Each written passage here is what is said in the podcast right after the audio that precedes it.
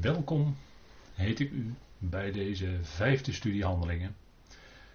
En ik mag misschien wel zeggen, broeders en zusters, en of beste vrienden, bij deze studie die we vervolgen vanavond.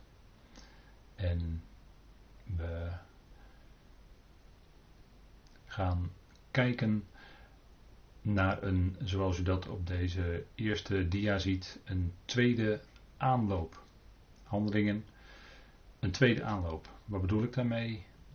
We hebben gekeken vanuit Matthäus en zijn handelingen binnengelopen. En we hebben gezien dat het in Matthäus gaat om de koning en het koninkrijk. Beide werden verworpen. Maar in handelingen was daar weer de opgestane met zijn discipelen, apostelen.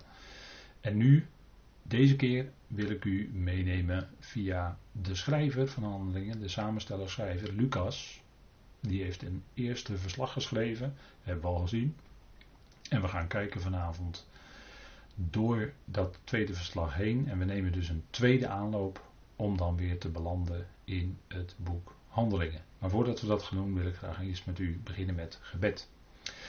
Vader, we danken u dat we ook opnieuw weer stil mogen staan bij dat boek Handelingen. We danken u dat u ons die mogelijkheid geeft, dat we door u geroepenen zijn. We danken u dat we dat evangelie van de apostel Paulus hebben mogen leren kennen en ook andere lijnen in de schrift mogen zien. Vader, zo ook wat het boek Handelingen betreft, wat, waarover ook veel verwarring is binnen de christenheid. En dank u wel dat u ons licht en uitzicht en doorzicht verschaft. Wilt u leiden door uw geest in dit moment, ook bij het luisteren. Bedank u daarvoor in de naam van uw geliefde zoon. Amen. De tweede aanloop. We gaan maar kijken wat dat betekent. In Lucas, en dat is dan het eerste hoofdstuk, daar zien we, dus we beginnen gelijk maar bij het begin. Hè? En we hebben al gezien dat Lucas deze ook richtte aan Theophilus. Maar in dat eerste hoofdstuk wordt aangekondigd de geboorte van de Heer Jezus. En Maria die spreekt dan haar zogenaamde Magnificat of haar lofzang uit. En dan zegt zij in vers 54 en 55: Hij heeft het opgenomen voor Israël, zijn jongen, door aan zijn barmhartigheid te denken. Zoals hij heeft gesproken tot onze vaderen, tot Abraham en zijn zaad voor de Aion. Maria was bijzonder verheugd. En u moet eigenlijk dat hele stukje maar lezen, dat hele magnificat.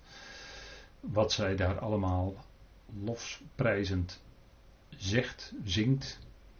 Als zij weet dat zij de moeder mag zijn van dat lang beloofde zaad van Abraham dat lang aangekondigde dat de Messias zou zijn. Hij die de Messias zou zijn, zij mocht daarvan de drager zijn. En dat maakt haar bijzonder verheugd. En u ziet hoe zij spreekt. Zij spreekt hier uitsluitend over de verwachting voor Israël. Abraham en zijn zaad voor de Aion. Hij heeft het opgenomen voor Israël, zijn jongen. Een belangrijk punt, hè, dat we gelijk zien bij het begin van Lucas waar het over gaat. Het sluit aan bij Tenach. Het sluit aan bij talloze profetieën die in Tenach gedaan zijn. Belofte van het nieuwe verbond, belofte van het koninkrijk van de Messias die als koning zou komen. En we zien dat dat daar gewoon op voortborduurt. Dan Johannes de Doper als Zacharias en Elisabeth te horen krijgen dat zij ouders zullen zijn van Johannes de Doper, de voorloper van de ware Messias, de Heer Jezus Christus, dan is Zacharias bijzonder verheugd. En ik heb hier op deze dia enkele highlights uit zijn, uh, ja, wat hij lofprijzend zegt, genomen. En hij werd daarin uh, begeesterd door Heilige Geest. Het staat er heel duidelijk bij. En hij zegt dan, en heeft een horen van redding voor ons opgericht in het huis van David, zijn jongen, zoals hij gesproken heeft, de eed die hij aan Abraham, onze vader, gezworen heeft om ons te geven. Jij, kleine jongen, zult uitgaan van de Heer, om zijn wegen gereed te maken en om zijn volk kennis van redding te geven in de vergeving van hun zonden. Dat is wat Zacharias zei als profetie over, over zijn leven. Hè? Hij mocht de voorloper zijn. Jij zult uitgaan van de Heer om zijn wegen gereed te maken. En om zijn volk, hè, dus u ziet het, het, het, is het huis van David. Het is de eed die hij aan Abraham, onze vader, gezworen heeft. Zijn volk. Vergeving van hun zonden, daar gaat het om. En hier zijn we dus helemaal bezig met Israël en met de komst van dat koninkrijk. Hè. Dat mogen duidelijk zijn. Vandaar dat ik dat uit heb gelicht. Om te laten zien dat Lucas in zijn begin voluit spreekt over dat koninkrijk. Dan kijken we naar Lucas 2. En daar komen Jozef en Maria met de Heer Jezus, die inmiddels geboren is, in de tempel. En dan spreekt Simeon. En die is bijzonder verheugd, want hij ziet, hij weet dat het de Messias is. Simeon en Hanna zijn daar en ze zijn geweldig blij en vreugdevol. Mijn ogen hebben uw redding gezien, die u bereid hebt voor de ogen van alle volken. Een licht tot openbaring voor de natieën en tot heerlijkheid van uw volk Israël. U ziet waar het allemaal om gaat. Hè? En niet alleen Simeon, maar ook, en dat is een mooie betekenis natuurlijk van zijn naam, hè, de, de horende. Hij had het gehoord en dat was in zijn hart gekomen. En uit de volheid van zijn hart sprak hij hier. Hè. En Hanna, of Anna, was daar een profetes, een dochter van Fanuel. Hanna betekent ook, dat heeft, ja, Gan, Gan, Ganna, Hanna, Gan, dan is het eigenlijk het Hebreeuwse woord van genade, zit daarin. Uit de stam Azer. Dat was een van de tien stammen. Maar uh, deze ene tekst, die wordt nog wel eens gebruikt om te willen aantonen dat uh, de tien stammen allemaal toen de tijd in het land waren. Maar dat is natuurlijk een hele smalle basis. Hè. Zij was een van de enkelingen uit de tien stammen die op dat moment in het land verbleven. Natuurlijk, er waren er wel meer. Ook uit andere stammen, maar dat wil niet zeggen dat alle tien stemmen toen vertegenwoordigd waren in Israël. Dat wil het helemaal niet zeggen. Maar in ieder geval, zij was er eentje uit de stam Azer. En zij was ver op haar dagen gekomen en had na haar meisjesjaren zeven jaar met haar man geleefd. En ze was weduwe. Van ongeveer 84 jaar. Dus zij is lang, op dat moment al lang weduwe. En zij diende. En uh, Simeon was ook in de tempel. En zij zij verliet de tempel niet en ze sprak over hem tot allen die de verlossing in Jeruzalem verwachten. U ziet het, hè? het gaat over hem met een hoofdletter, de Heer Jezus Christus. Die, ze, die zowel Simeon als Hanna daar in de tempel in hun, uh, in hun armen mochten houden. En zij sprak over hem, want ze was er helemaal vol van. Ze bleef in de tempel, in tempelterreinen. En zij sprak tot allen die de verlossing in Jeruzalem verwachten. Dus daar zou de verlossing zijn. In Israël, in Jeruzalem, door de Messias. En ze wisten dat hij het is. De hoop voor Israël. En als we Lucas verder doorlezen, dan is daar geen enkele verandering. Maar het spreekt helemaal over dat komende koninkrijk. De hoop voor Israël, het koninkrijk. Jezus, de Nazarener. Wordt gezegd in Lucas 24, hè, daar heb je die Emmausgangers. Dan zijn ze teleurgesteld, want hij, van wie ze alles verwachten, was gestorven aan het kruis en hij was gelegd in het rotsgraf van Jozef van Arimathea. En hij was overleden. Hun hoop was vergaan. En ze spraken met elkaar. En daar gaat Lucas 24 over. En dan wordt er gezegd: Jezus de Nazarener, een man die profeet werd, machtig in werken en woorden voor God en heel het volk. Dat zeiden ze tegen die voor op dat moment voor hen nog vreemdeling, die vroeg waar ze over spraken. En ze verwijzen dan naar Jezus de Nazarener, en wat hij gedaan had. Machtig in werken en woorden voor God en heel het volk. Dat gaat dus over Israël. Daar spreekt ook heel Lucas over. Wij verwachten dat hij het was die Israël zou verlossen. U, u hoort hier de teleurstelling in doorkomen. O, dat jullie niet geloven. En dan gaat die vreemdeling die met hem meeloopt, die gaat daarop in. En die zegt dan: O, dat jullie niet geloven al wat de profeten zeiden. Hun ogen waren nog bevangen. Maar hij opende hun verstand, hè, staat er later ook. En hij zegt dan tegen hen: Moest de Christus, de Messias, dit niet lijden en zo in zijn heerlijkheid ingaan? En hij liet dat aan die Emmausgangers ook zien onderweg. En hij liet hun zien al wat in die schriften op hem betrekking had. En dat er dus ook gesproken werd over het lijden van Christus en over de heerlijkheid daarna. Ook dat is in de profetieën terug te vinden. En de Messias wordt in typen en beelden, maar ook uh, soms rechtstreeks genoemd. Als de nakomeling van David, die op de troon zou zitten. En hij liet dat zien, hè, de Heer. En eh, toen hij eh, later met hen het brood brak, toen ineens kregen ze door dat hij het was. En ze werden vol van vreugde en blijdschap.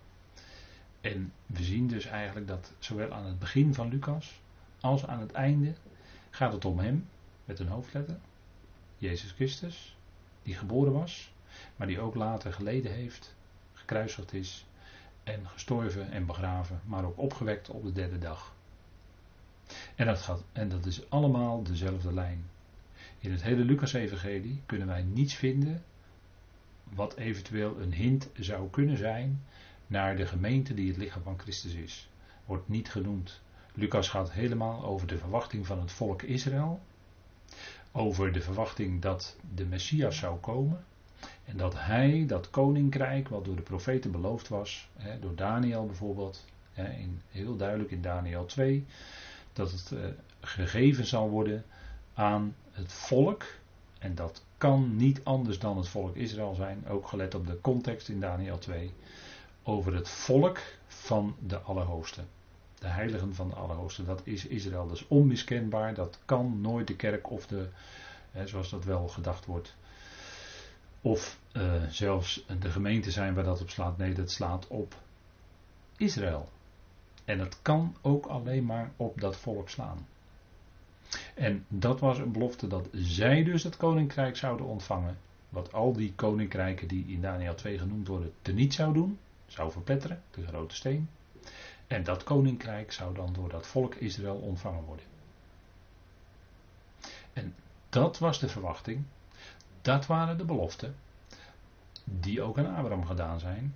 We hebben het gezien dat er na gerefereerd wordt dat Abraham, dat aan Abraham met een eed gezworen was door Yahweh, door God, de God van Israël.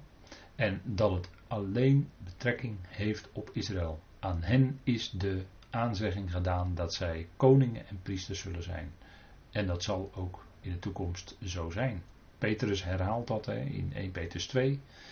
En het kan dus alleen maar over het volk Israël gaan. U ziet dat ook hier de Emmausgangers nog spraken over wat hij gedaan had. En ze eigenlijk, de, hadden de verwachting dat hij een verlosser zou. Natuurlijk van de toenmalige Romeinse overheersing. Maar dat het koninkrijk ook echt zou aanbreken. Daar gaat Lucas over.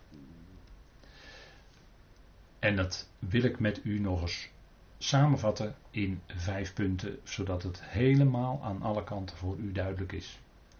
Lucas gaat niet over de gemeente, maar over de hoop voor Israël op aarde als priestervolk waardoor de zegen naar de natie gaat. Handelingen, en dat is dan het tweede boek van Lucas wat hij geschreven heeft, gaat niet buiten het bereik waar zijn eerste verslag van spreekt. Het gaat niet verder. Het gaat gewoon door over dat koninkrijk dat op aarde zou komen. Punt 1, hè? Belangrijk punt is al in feite gezien, maar dat is dan het eerste punt en de onderbouwing, die heb ik u net gegeven uit Lucas 1 en Lucas 24.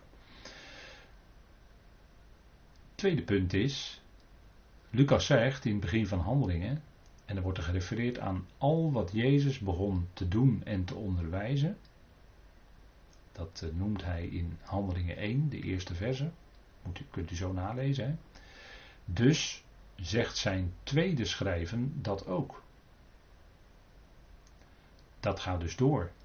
Wat Jezus begon te doen en te onderwijzen, dat is doorgegaan. Dat is niet gestopt bij zijn kruisiging. Nee, hij is opgestaan en heeft daarna zijn discipelen, zijn apostelen geïnstrueerd daarover. Instructies gegeven. Wat zij moesten gaan doen. Vanaf Lucas 4, vers 43 bijvoorbeeld, daar, daar wordt het ook genoemd het evangelie van het koninkrijk. U weet wel, Lucas 4, toen hij daar sprak in de, in de shul, in de shul in uh, Nazareth, bekende geschiedenis daar. Dat is zijn eerste optreden na de verzoeking in de woestijn. Dan Lucas 4, vers 43. En dan gaat het over de Heer en de menigten. Hij is naar een eenzame plaats gegaan nadat hij verworpen was in de Shul in Nazareth. En dan gaat hij naar een eenzame plaats, vers 42, en dan zegt hij in vers 43. Maar hij zei tegen hen, tegen de mensen die bij hem waren gekomen: Ik moet ook andere steden het evangelie van het koninkrijk van God verkondigen, want daarvoor ben ik uitgezonden. En hij predikte in de synagogen van Galilea. Dus dat was zijn bediening. Hij predikte het evangelie van het koninkrijk van God. Zo wordt het dan hier genoemd. Maar dat, is, dat kan alleen maar dat aardse koninkrijk zijn in dit verband dat aangezegd was. Hij begon daarmee. Hij predikte dat. Hij werd verworpen. Hebben we gezien vorige keer. Hè, dat hij als de koning werd verworpen, Matthäus. En het koninkrijk werd verworpen. Men, men verwierp dus ook de boodschap van het evangelie van het koninkrijk op dat moment.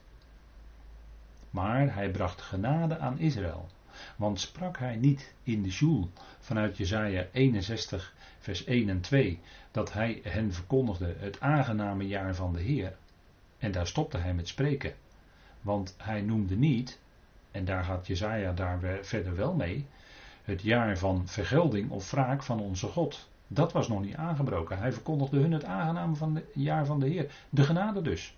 En hij zegt, heden is dit schriftwoord in uw oren vervuld. En toen wisten ze dat hij op zichzelf doelde als degene die dat aangename jaar kwam brengen.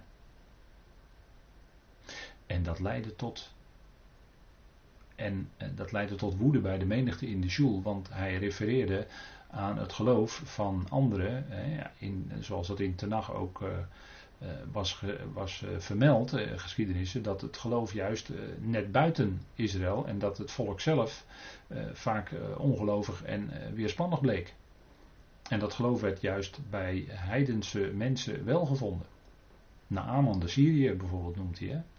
Nou, dat leidde tot woede en hij werd eruit gegooid. Maar hij bracht die genade aan Israël. In heel zijn optreden, in alles wat hij zei, in alles wat hij deed, bleek die genade die God op dat moment aan Israël gaf. Zijn barmhartigheid. En bad hij niet aan het kruis, Vader vergeef het hun, want zij weten niet wat zij doen. Daar hebben we in een eerdere studiehandelingen al aan uh, herinnerd. En op basis daarvan vergaf Vader het aan het volk en werd het evangelie van het koninkrijk opnieuw aan het volk gepredikt. Het koninkrijk werd opnieuw aangeboden. Nu door een getuigenis in handelingen van de Heilige Geest. En wat Jezus deed en leerde, hè, want Lucas zegt dus in die eerste verse, dat is het tweede punt hè, waar we nu mee bezig zijn. Al wat Jezus begon te doen en te onderwijzen, wat Jezus deed en leerde, daar, daaraan wordt herinnerd in bijvoorbeeld Hebreeën 1 vers 1. Hè, dat voorheen God gesproken had op vele manieren tot de vaderen. Maar dat hij nu tot ons, zegt Hebreeën dan, gesproken heeft in de zoon. En dat doelt op zijn aardse leven. Hebreeën 2 vers 3 en 4 zijn ook bekende versen waarin gerefereerd wordt aan zijn optreden in het land. Hè, dat hij met vele krachten, tekenen en wonderen rond is gegaan. Daaruit bleek die genade die God op dat moment aan dat volk betoonde, die barmhartigheid. En in 6 vers 5 wordt er ook aan gerefereerd. En in Romeinen 15, een bekend stukje.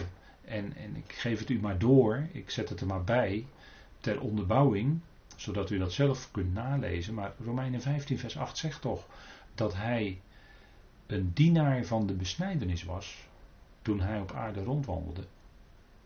En hij zei toch ook van zichzelf: Ik ben niet gezonden dan tot de verloren schapen van het huis van Israël. En Romeinen 15 vers 8 zegt dus dat hij een dienaar is geworden van de besnijdenis. Hè, dat hij een dienaar was van de besnedenen. Nou, ik denk dat als woorden duidelijk zijn, dan zijn dat hele duidelijke woorden. Waarin Paulus dat dus ook achteraf vaststelt. Die heel goed wist die ontwikkeling vanuit Tenach. Paulus kende natuurlijk vanuit zijn hele opvoeding de Tenach tot en met. En hij wist heel goed wat het optreden van de Heer Jezus geweest was en wat het betekende. Dat het voor Israël was en dat het de koning, de Messias, het koninkrijk aankondigde. Wordt allemaal aan gerefereerd. Het is heel duidelijk. Het is heel duidelijk. En het derde punt is, wat Lucas in de eerste verse van Handelingen vermeldt. Dat is tot de dag dat hij opgenomen werd. Tot de dag dat hij opgenomen werd, heeft hij nog aan de discipelen, apostelen, onderricht gegeven. In zijn opstanding dus. En wat hij aan onderricht toen gaf in zijn opstanding, dat sloot dus aan bij wat Jezus begon te doen en te leren. Als dienaar van de besnijderis met zegen voor de natieën alleen via Israël. En dat is dus één lijn, het koninkrijk op aarde. dus dat is een doorgaande lijn. En ik denk dat, dat, dat we dat wel goed beseffen als we dat zo even op een rij zetten. En het vierde punt is, nadat hij hen instructie gaf door Heilige Geest. Dus in zijn opstanding gaf hij verdere instructie wat zij zouden doen. En die instructie vinden wij in Lucas 24, vers 47 tot en met 49. Daar geeft hij opdracht aan de discipelen, apostelen, wat te doen. En dat is van groot belang dat we dat goed weten als we handelingen lezen, want daar zien we dat gewoon gebeuren. Wat hij hun aan opdracht had gegeven, dat voeren zij in handelingen uit. Dat gebeurt. En iets anders is de reactie van het volk Israël daarop, als geheel, en met name dan steeds de leiders of de, zeg maar de orthodoxie. Dat is wat anders, hoe ze daarop reageerden, maar de discipelen, apostelen hebben dat uitgevoerd. En ze, ze werden enorm bekrachtigd doordat ze wisten, we hebben een levende Heer. Hij is opgestaan, hij is opgewekt uit de dood. En natuurlijk, dat is voor u, voor jou en voor mij een kracht de kracht, zou ik willen zeggen. Paulus leefde en hij strekte zich uit, zegt hij in Filippenzen 3, om die kracht van zijn opstanding te ervaren in zijn leven van alle dag. Natuurlijk is dat straks zo als we bij de Heer zijn. Dan hebben we die volle kracht van zijn opstanding. Maar nu al werkt die kracht in ons door de Heilige Geest. En kunnen wij leven, wandelen tot zijn eer. En kunnen wij dat doen wat hij ons geeft te doen. Dat deden die apostelen ook. Zij werden bekrachtigd door de geweldige wetenschap dat hij was opgewekt uit de doden. Daar waren ze helemaal, we zouden vandaag de dag zeggen, dol enthousiast over. Maar er was nog meer. Zij werden bekrachtigd door de Heilige Geest. Dat zullen we nog gaan zien. Ze moesten wachten op de belofte van de Vader. En die kwam ook. En daardoor ontvingen zij kracht. En we zullen ook gaan zien de verschillende facetten daarin. Maar in Lucas 24, en dan is dat in zijn opstanding, dan krijgen ze dus instructies mee, vers 47 tot 49. En ik lees u dan even vanaf vers 46. En hij zei tegen hen: Zo staat er geschreven. En zo moest de Christus lijden en uit de doden opstaan op de derde dag. En in zijn naam onder alle volken bekering en vergeving van zonden gepredikt worden, te beginnen bij Jeruzalem. En jullie zijn van deze dingen getuigen. En zie, ik zend de belofte van mijn vader op jullie, maar blijven jullie in de stad Jeruzalem, totdat jullie met kracht uit de hoogte bekleed zullen worden. Dat waren de instructies die hij gaf. En dat zijn dus drie punten. Ik heb ze hier op deze slide uitgeschreven. Je kunt meelezen. A. Bekering en vergeving van zonde te prediken uit, vanuit Jeruzalem. B. Getuigen zijn van deze dingen.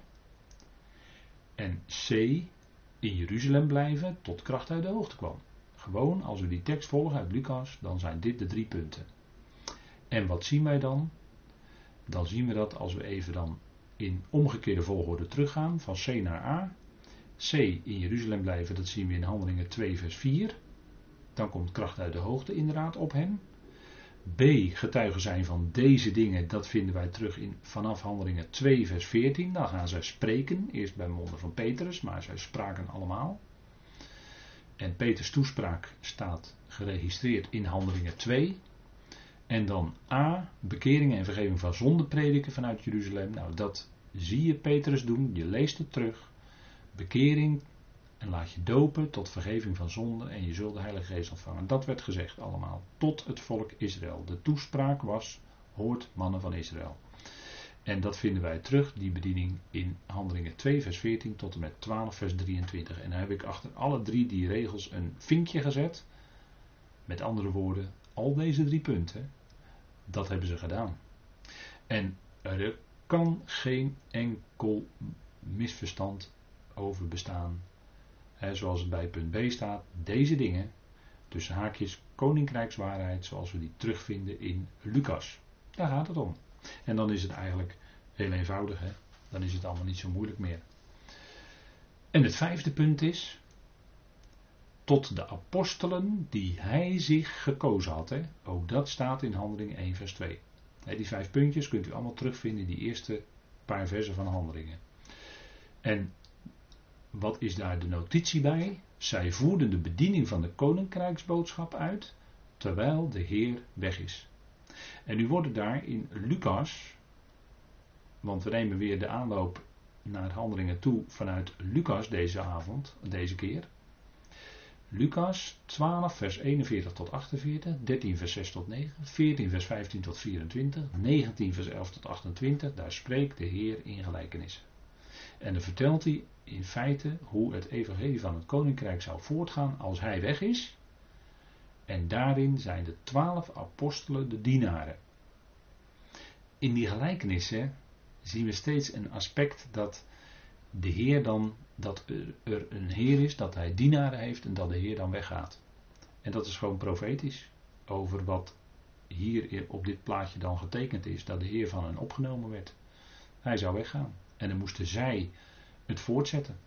als we bijvoorbeeld heel even inzoomen, ik noem maar een, voorbeeld in Lucas 12, Lucas 12, vers 41 tot 48, dan gaat het daar om een gelijkenis. En dan zegt de Heer vanaf vers 42, spreekt hij over die trouwe en verstandige rentmeester, die de Heer over zijn huisbediende zal aanstellen, om op de juiste tijd het voedsel te geven dat hun toekomt. En dat is in feite wat hij zegt. De Heer is in feite hier in Lucas 12, vers 42 de Heer zelf. Die verstandige rentmeester, ja, dat zijn al die discipelen die dan later renmeester zijn met, dat, met die boodschap, met het evangelie. En dan zegt hij ook, moet u even opletten wat er staat, in Lucas 12, vers 42, op de juiste tijd het voedsel te geven dat hun toekomt. Nou, gezien de context, heel Lucas, gaat het over het koninkrijk, gaat over Israël. Wat moesten de apostelen dus als rentmeester geven aan Israël?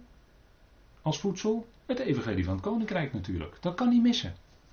En daar gaat het over. Hè? Ze moeten het juiste voedsel geven. Het gaat niet aan om aan Israël als apostelen van de besnijdenis waarheden te gaan brengen die Paulus later zou gaan brengen. Dat was toen nog helemaal niet bekend toen de Heer het uitsprak.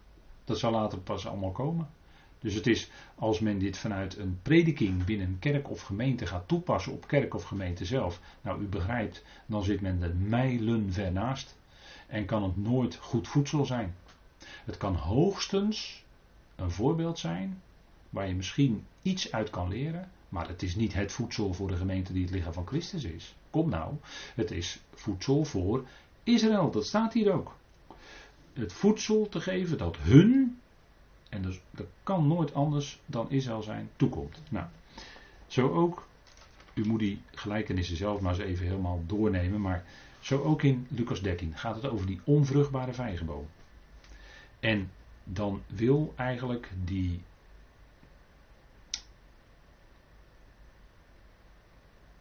Heer, die, die, die, uh, die, uh, die uh, vijgenboom had geplant, die, zei dan, die zegt dan tegen de wijngaardenier: Ik kom nu al drie jaar hier vrucht zoeken aan deze vijgenboom en vind die niet, hak hem om. Waarom beslaat hij de aarde nutloos? En die drie jaar is natuurlijk een aanduiding van de driejarige bediening die de Heer op aarde had, te midden van zijn volk.